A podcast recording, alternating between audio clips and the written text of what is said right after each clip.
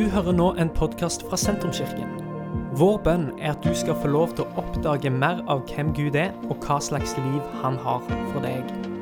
Mer informasjon om hvem vi er og hva som skjer i kirka, befinner du på sentrums.no og i sosiale medier.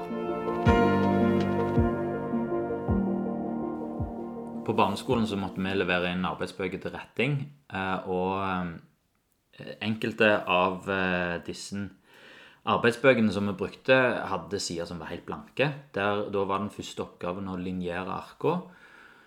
Og før en kunne begynne å skrive i de, så måtte en òg lage en marg. Og den margen, sånn som jeg husker det, den skulle ikke være mer enn og ikke mindre enn 3 cm. Viktig å bruke linjal, måle opp 3 cm og lage marg. I effektivitetens tidsalder så er jo dette ressursløseri. Hvorfor skal en ha alt dette tomrommet, tre centimeter av arbeidsbøkene, som ikke blir brukt? Hele arket må jo fylles. Og det er gjerne sånn vi lever livet vårt. Vi fyller opp hele livet. Eh, hele sida skriver vi opp med avtaler, med jobb, med aktiviteter. Så fyller vi de ledige hullene som vi har, med scrolling, med surfing, med skjerm. Eh, og så er det ikke noe marg igjen. Det er hele tida stimulans, hele tida noe som skjer, enten fysisk eller mentalt. Og kanskje mer og mer så, så, er det mentalt, og ting som skjer på skjerm for oss. Hvem er margen sin? Altså På barneskolen så hadde margen en funksjon. Den tilhørte frøken. Eh, min frøken Else Marie Bue. Hun regjerte margen, og hun kunne bruke den sånn som hun hadde lyst til. Eh, der sto alt det jeg trengte å vite om oppgavene som jeg leverte inn. Ofte så var det oppmuntrende. Det var ting som bra, flott, fint, fin tegning, bra arbeid.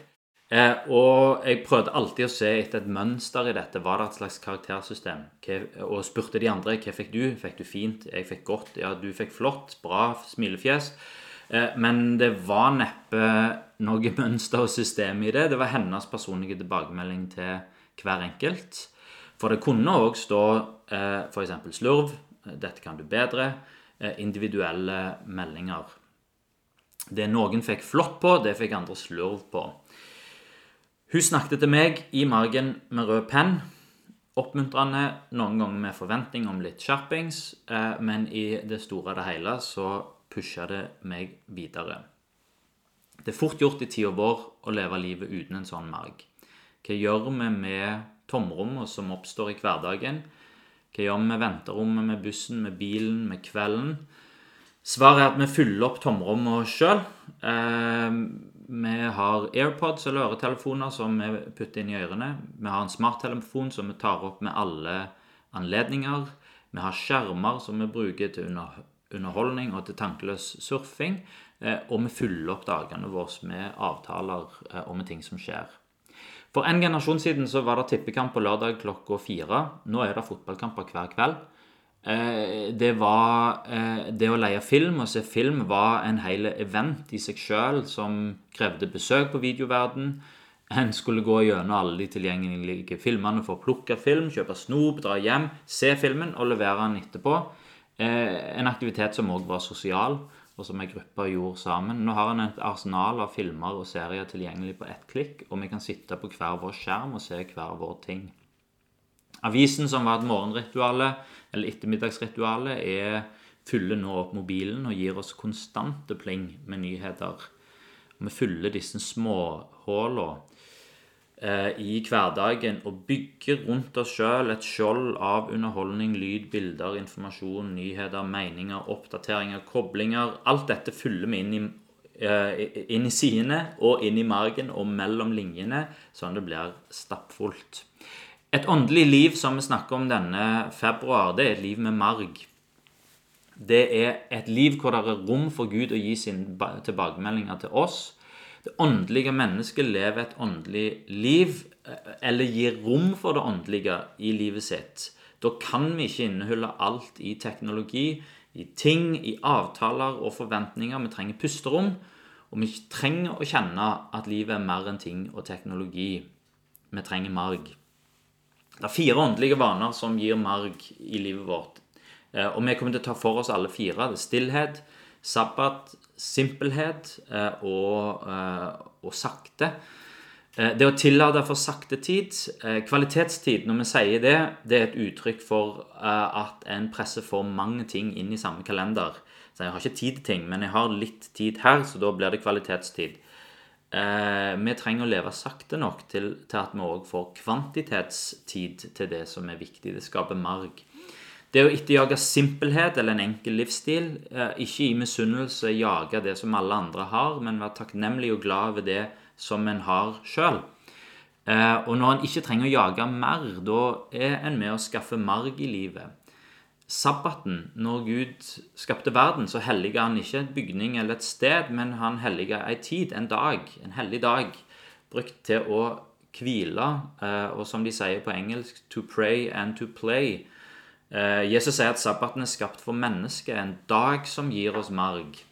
Da kan jeg jobbe hardt seks dager når jeg vet at det kommer en dag som jeg kan sette helt av til hvile og til rekreasjon. Og så er det da stillhet.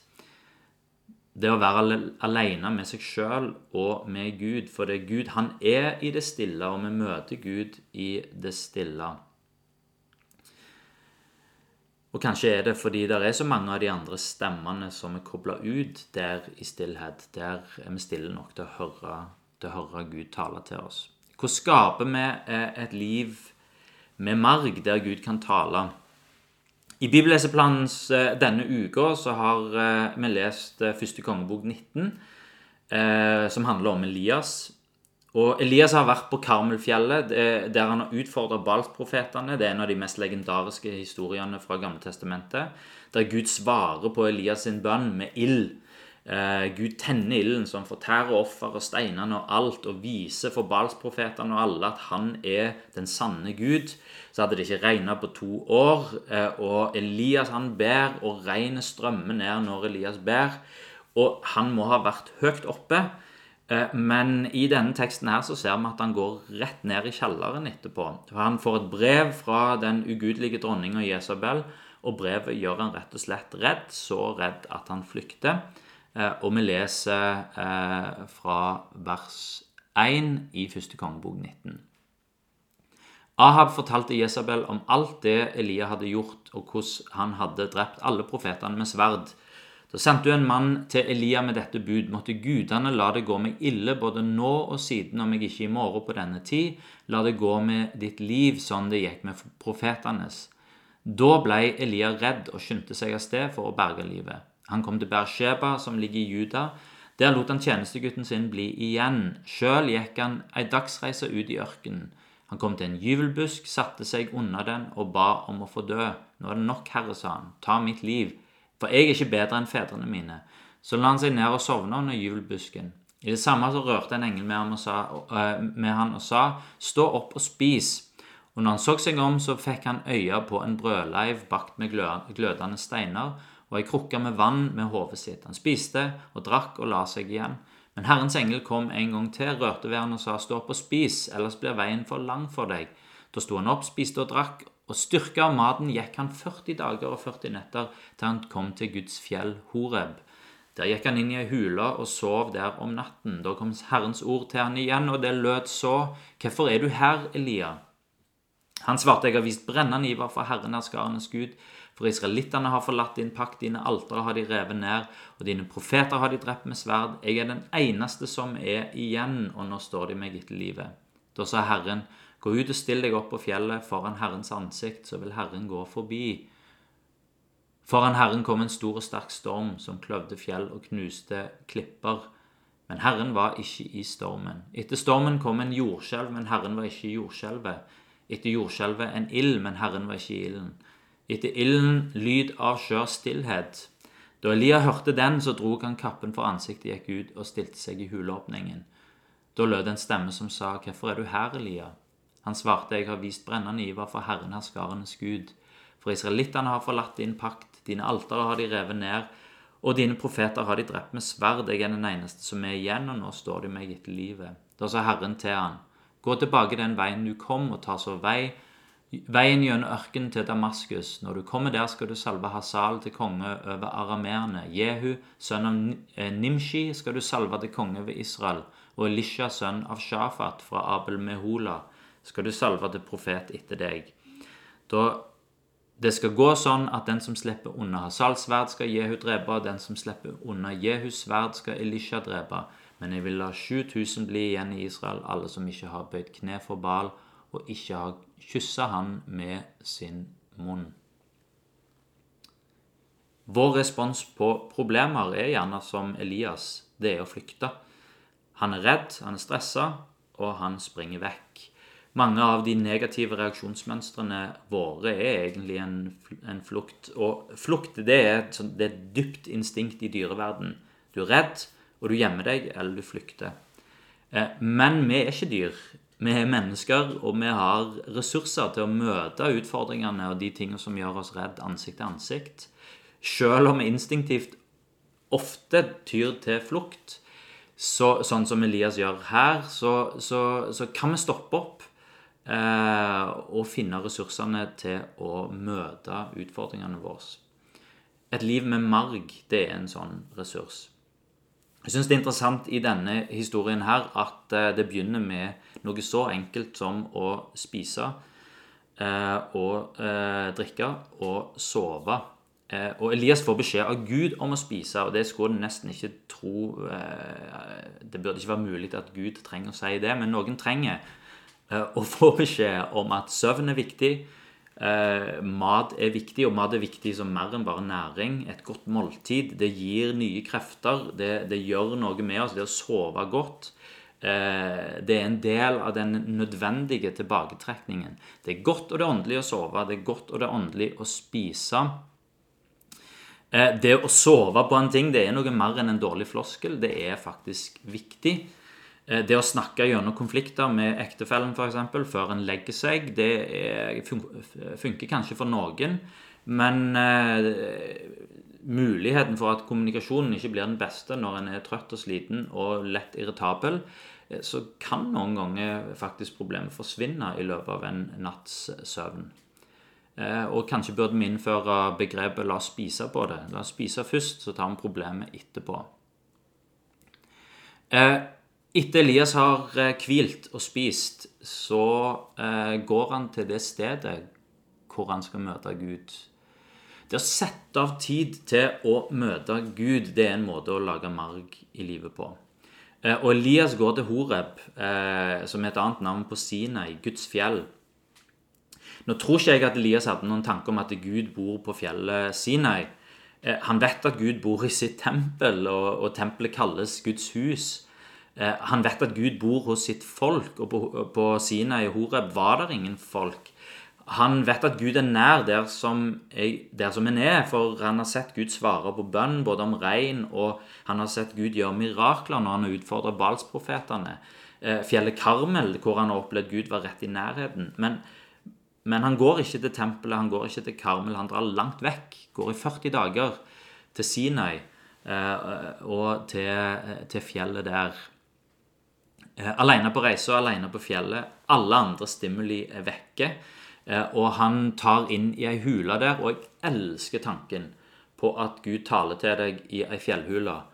Eller en eh, heller, eller ei seter eller fjellhytte eller kanskje til og med et telt. En plass der på fjellet, i ødemarka. En plass hvor du er alene, og hvor andre ting blir stengt ute. I den pinsekarismatiske tradisjonen som vi er en del av, så, har, så, så skal det være eh, Der er og det skal være mye fokus på erfaringer med Gud. Og gjerne på erfaringer med Gud i fellesskap med andre. Vi hører fra Gud når vi oppsøker kirker. Eh, store konferanser, bønne- lovsangskvelder, eh, arenaer hvor det er masse folk til stede, og hvor det er elektrisitet av forventning, og hvor Gud taler til oss i fellesskap. Og disse arenaene er utrolig eh, viktige. Vi må ikke miste dem, for her skjer det så mye viktig.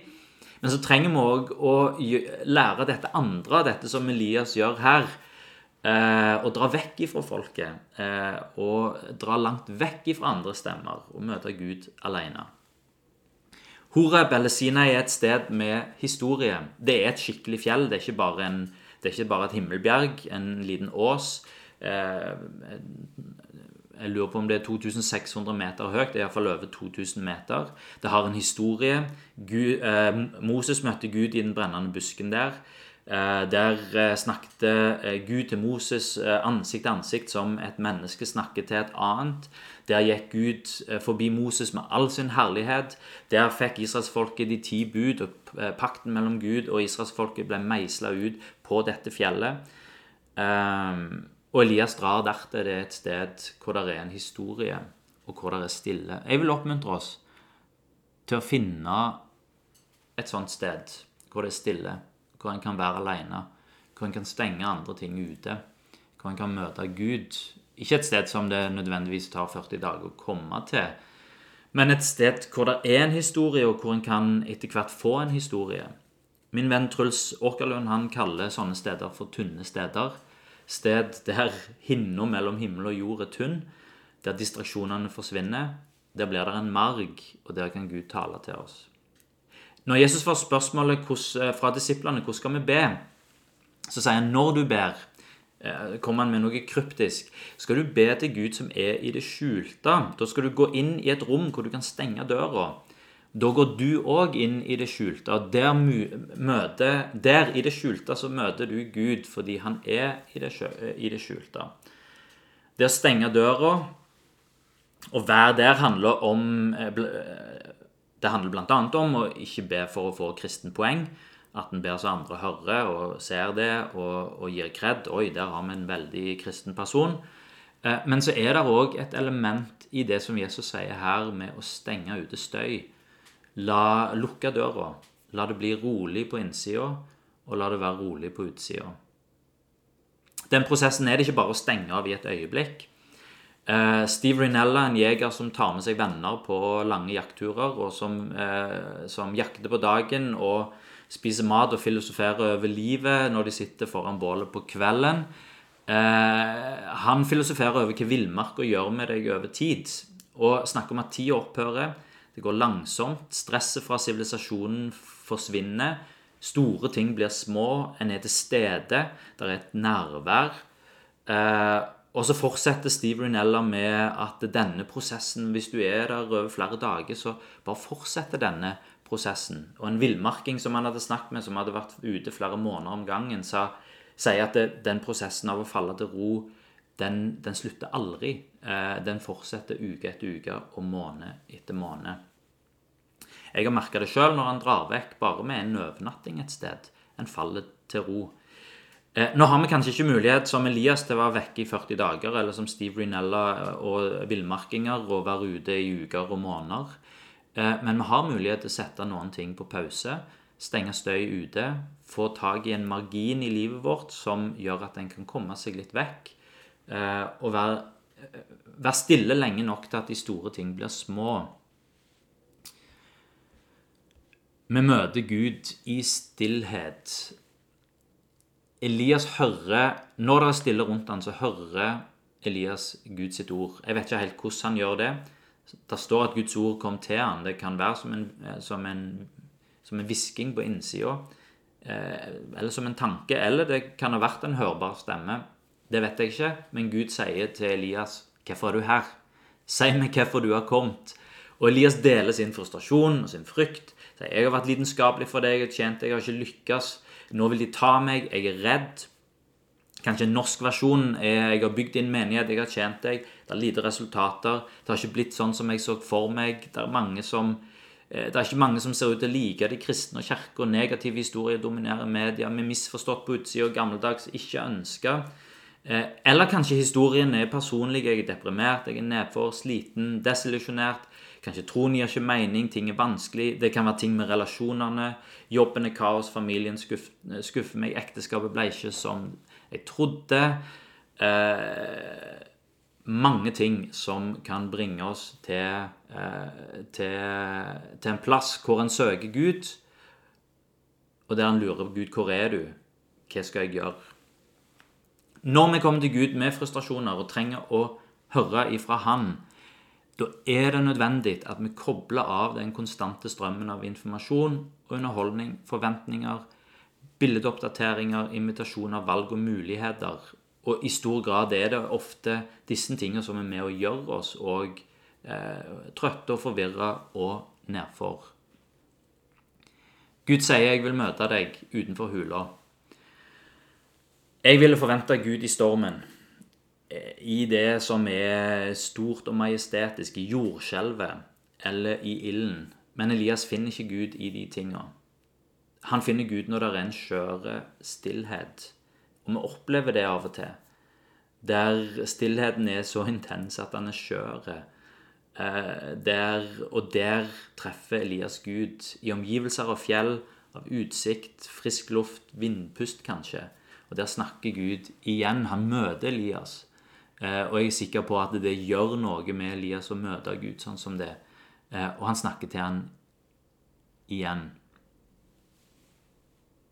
Han sier hva han trenger å gjøre. Opplever du å være redd av å være stressa, skuffa i konflikt eller nedfor, i vanskeligheter? Oppsøk stillheten. Den gir rom for Gud, og der kan du finne Gud. Jeg tror vi trenger å lære å ikke bli stressa av at det er stille. Når det blir stille rundt oss, eh, forandre tankene fra at det er stress, til at det er en mulighet. Tenke 'oi, nå var det stille'. La meg være litt til stede her. Tenke litt. Skape marg. Når en slapper av med at det er stille, så kan vi ta det et steg lenger, og vi kan aktivt oppsøke stillhet. Levere inn sitt liv til Gud med en marg. Og Det trenger vi å øve oss opp i. En kan begynne med fem eller ti minutter. Eh, så kan det være en time. Eh, når en har mulighet, så kan en dra vekk. Når en drar vekk, ikke bare gjør det for å slappe av, men òg for å være stille og for å søke Gud. Da skaper vi bevisst denne margen. Sette av tid til at Gud kan gi sin eh, tilbakemelding, og sette av tid for å komme i synk. Mens jeg skrev dette, så valgte jeg å skru av musikken, bare for å få det stille rundt meg. Eh, der er sånne ting som vi kan gjøre i hverdagen. Vi kan sette oss ned, ned et sted hvor det er stille, et sted i huset hvor det er stille. En kan legge vekk telefonen når en skal på små ærend, sånn at telefonen ikke blir en distraksjon. En kan i det hele tatt være flink til å holde telefonen langt vekke. I et ledig øyeblikk så kan en istedenfor å søke distraksjon, så kan en gå til et sted hvor det er stille. Det går an å lese en bok Eh, det er en fin ting å gjøre, for da er det stille rundt deg, og det er stille i deg. Det å tegne, det å skrive, eh, det å gå en tur uten å ha noe i ørene. Eh, ta ut proppene fra ørene eller musikken når du er i bilen. Og ta vekk telefonen når du sitter på bussen eller på venterommet. Jeg er så heldig at jeg kan gjøre dette innimellom i arbeidstid. Og jeg kan til og med ta en dag hvor jeg stenger ut annen støy, hvor jeg omgjør meg med stillhet. Eh, og eh, en finner Gud eh, i det. I dag for eksempel, skal jeg en tur på å gå på skøyter rundt Stokki to runder istedenfor å se på TV. Og det er, det er fint.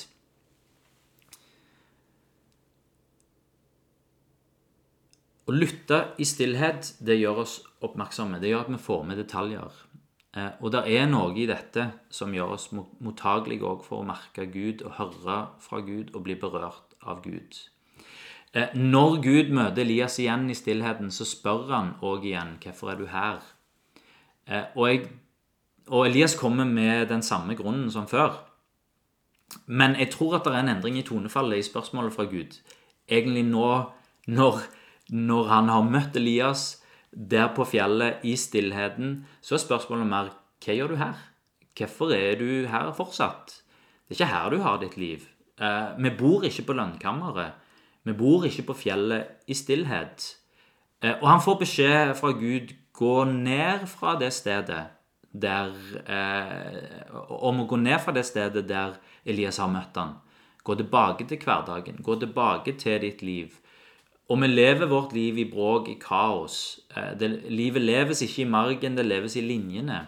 Margen er kun der for å gi oss et pusterom, og for å gi sunnhet, og for å gi en mulighet for Gud til å betjene oss og gi tilbake til oss. Og Gud sier til Elias, salva Jehu til konge over Israel. Salva Hasal til konge over arameerne. Ta Elisha som din disippel.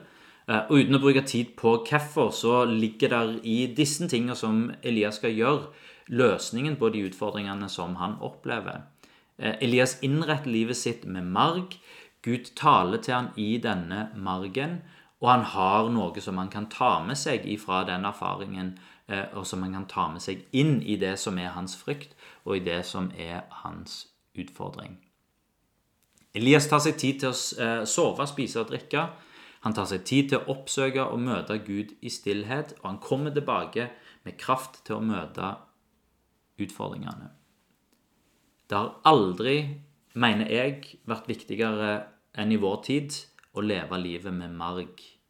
Hvorfor? Jo, for hvis vi ikke gjør noe med dette aktivt, så slettes margen ut nesten av seg sjøl, og vi fyller opp hvert ledige øyeblikk med distraksjon og støy. Lev et liv med formål, det er å leve et liv med marg. Å leve et sunt liv er å leve et liv med marg. Da trenger vi å bli komfortable med stillhet, og oppsøke stillhet, og få et sted der vi kan være alene med Gud i stillhet. Jeg vil oppmuntre oss alle sammen til å finne det stedet. Gud velsigne deg. Dette er slutten på denne podkastepisoden.